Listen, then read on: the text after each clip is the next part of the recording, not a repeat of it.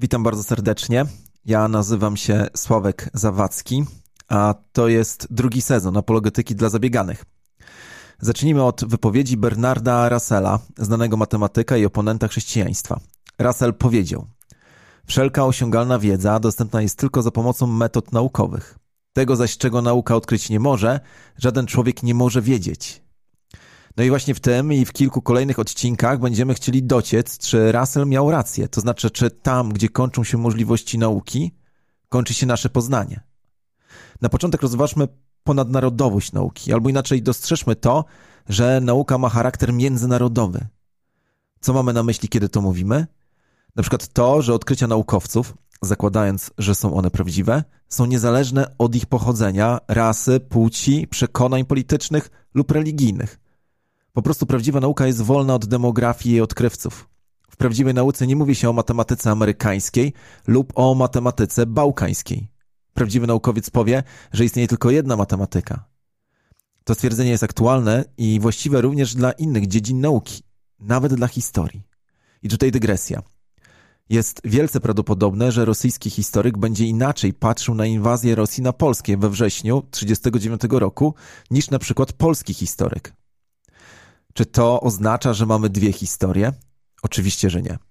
Historia jest tylko jedna. Dlaczego zatem spodziewamy się różnych perspektyw u rosyjskiego i polskiego historyka w odróżnieniu od rosyjskiego i polskiego matematyka? Dlatego, że wpływ matematyki na moje życie, moją samoocenę, poczucie sprawiedliwości jest znacznie mniejsze niż wpływ historii. Już tutaj możemy wyciągnąć dwa wnioski. Po pierwsze, oczywistą rzeczą jest to, że im bardziej jakaś dziedzina wiedzy lub nauki wpływa na mój światopogląd, tym bardziej rośnie ryzyko traktowania jej, jej jako narzędzia do walki o moją wizję świata. Czy zastanawiałeś się kiedyś nad tym, jak to możliwe, że po ziemi chodzą wybitni przedstawiciele socjalizmu i kapitalizmu? Jedni i drudzy reprezentują wysoki kapitał intelektualny. A jednak okazuje się, że wyznają zupełnie odmienne zasady ekonomii. Wynika to właśnie z trudu oderwania swoich przekonań światopoglądowych od nauki. Po drugie, wracając jeszcze do przykładu z historykami, to, że przedstawiciele nauki historycznej przedstawiają różne spojrzenia, na przykład na 39 rok, wcale nie oznacza, że mamy różne prawdy historyczne. Prawda jest jedna. Wracając do głównego wątku, czyli do ponadnarodowego, ponaddemograficznego i ponadświatopoglądowego charakteru nauki, możemy zrozumieć, dlaczego naukowcy bardzo denerwują się, kiedy do ich przewodu myślowego wkrada, wkradają się elementy metafizyczne, a w szczególności istota Boga. No bo na naukę nie mogą wpływać nasze prywatne przekonania ekonomiczne, polityczne, a tym bardziej religijne. Prawda? Teraz jednak podejmijmy próbę zdefiniowania nauki. Jakbyś ty zdefiniował, czym jest nauka? Problem polega na tym, że nie ma zgodnej definicji co do tego zagadnienia. Istnieją powtarzające się elementy działalności naukowej, takie jak hipoteza, eksperyment, dane, dowód, modyfikacja hipotezy, teoria, przewidywanie, wyjaśnienie i inne. Ale definicji jest wiele. Weźmy na tapet wyjaśnienie filozofa biologii Michaela Rousseau, który w swojej książce Darwinizm Defended napisał, że nauka zajmuje się tym, nauka zajmuje się tylko tym, co należy do przyrody, co powtarzalne, czym rządzi jakieś prawo. Zastanów się przez chwilę, czy zgadza się z takim postawieniem sprawy, a ja raz jeszcze przytoczę definicję Rousseau. Nauka zajmuje się tylko tym, co należy do przyrody, co powtarzalne, czym rządzi jakieś prawo. Jeżeli przyjmiemy tę definicję za prawdziwą, wówczas musimy pogodzić się z faktem, że wszelkie badanie tego, jak powstał wszechświat, są z gruntu nienaukowe. Powstawanie wszechświata jest raczej niepowtarzalne. Czy jednak możemy spojrzeć kosmo kosmologom w oczy i powiedzieć, że nie są naukowcami? Ja bym chyba nie miał odwagi. Jest jednak pewien pozytyw, wypływający z definicji Rousseau. Otóż dostrzegamy, że nie wszystkie twierdzenia nauki mają taką samą moc. Teoria naukowa oparta na powtarzających się obserwacjach i eksperymentach powinna mieć większy autorytet niż teoria, która na takich obserwacjach się nie opiera. Z filozoficznego i naukowego punktu widzenia nie wolno zapominać o tej różnicy. Ale wróćmy do wyjaśnienia nauki zaproponowanego przez Michaela Rousseau. Pojawia się tam inny ciekawy wątek. Chodzi o to, że nauka zajmuje się tylko tym, co należy do przyrody. Jak to rozumieć? Z jednej strony chodzi o bierny aspekt tego twierdzenia. Według Rousseau nauka bada tylko świat zjawisk przyrodniczych. Można jednak dostrzec aktywny aspekt. Otóż wielu naukowców twierdzi, że do wyjaśnienia świata możemy posługiwać się tylko narzędziami takimi jak fizyka, chemia czy po prostu nauki przyrodnicze.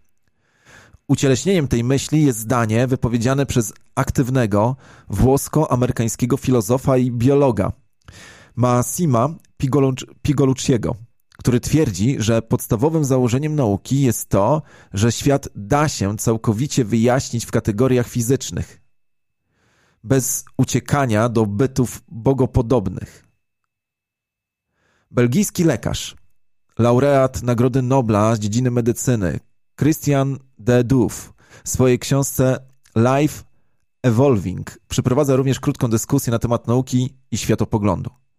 Zauważa on, że badania naukowe i sama nauka bazują na przekonaniu, że wszystkie zjawiska wokół nas dadzą się wyjaśnić tylko za pomocą zjawisk naturalnych, bez uwzględnienia interwencji sił ponadnaturalnych. Ważne jest tutaj słowo przekonanie. De Duff jest uczciwy i przyznaje, że prawdziwy naukowiec powinien mieć odwagę porzucić swoje naturalistyczne przekonania, gdyby doszło do sytuacji, że jest to wymagane do wyjaśnienia jakichś zjawisk. No bo kto, jak nie naukowiec, powinien mieć otwarty umysł?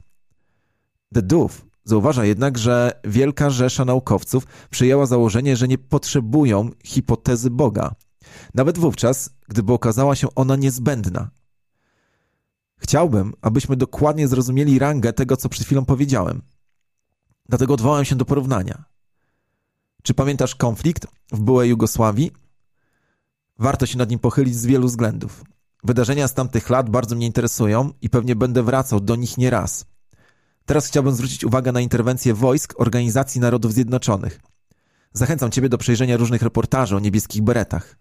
Okazuje się, że żołnierze sił pokojowych wiele razy nie podejmowali interwencji, kiedy wydawało się to wymagane, przykład podczas gwałtów kobiet. Gdy mieszkańcy wzywali ich do pomocy, ci twierdzili, że ich kompetencje są bardzo ograniczone i mogą podejmować działania tylko w ściśle określonych warunkach. Co, chciałby, co chciałam przez to pokazać? Otóż naukowcy, którzy odrzucają hipotezę Boga z definicji i którzy twierdzą, że nigdy po nią nie sięgną, nawet wtedy, gdy nie będzie innego wyjścia, kojarzą mi się trochę z tymi żołnierzami ONZ-u, którzy mogli interweniować, ale tego nie robili.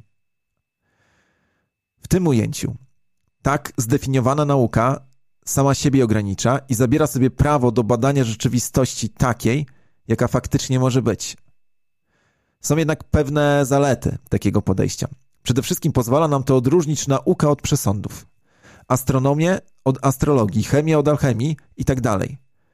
Powtórę, przy takim podejściu świat nauki jest chroniony przed lenistwem umysłowym. Oto, gdy jakiś naukowiec natrafia na rzecz, której nie może lub nie potrafi wyjaśnić, nie ma prawa ani możliwości skwitowania tego zjawiska zdaniem nie da się tego wyjaśnić, a zatem musiał tego dokonać Bóg lub bogowie. Jednak wadą kardynalną tego podejścia jest zamknięcie się na szerokie spektrum potencjalnych rozwiązań tylko dlatego, że metafizyka została odrzucona. Ale o tym następnym razem. Na koniec dwie sprawy. Po pierwsze, przypominam, że inspiracją i źródłem dużej ilości wiedzy do tych podcastów jest książka Johna Lennoxa pod tytułem Czy nauka pogrzebała Boga, wydana przez wydawnictwo w drodze. Po drugie, mam wielką prośbę. Jeżeli podoba Ci się ten materiał, zasubskrybuj nasze kanały na platformach podcastowych i broadcastowych. Lajkuj nasze posty, udostępniaj i komentuj. Dzięki temu pomagasz nam dotrzeć do większej ilości ludzi. Do usłyszenia w kolejnym odcinku.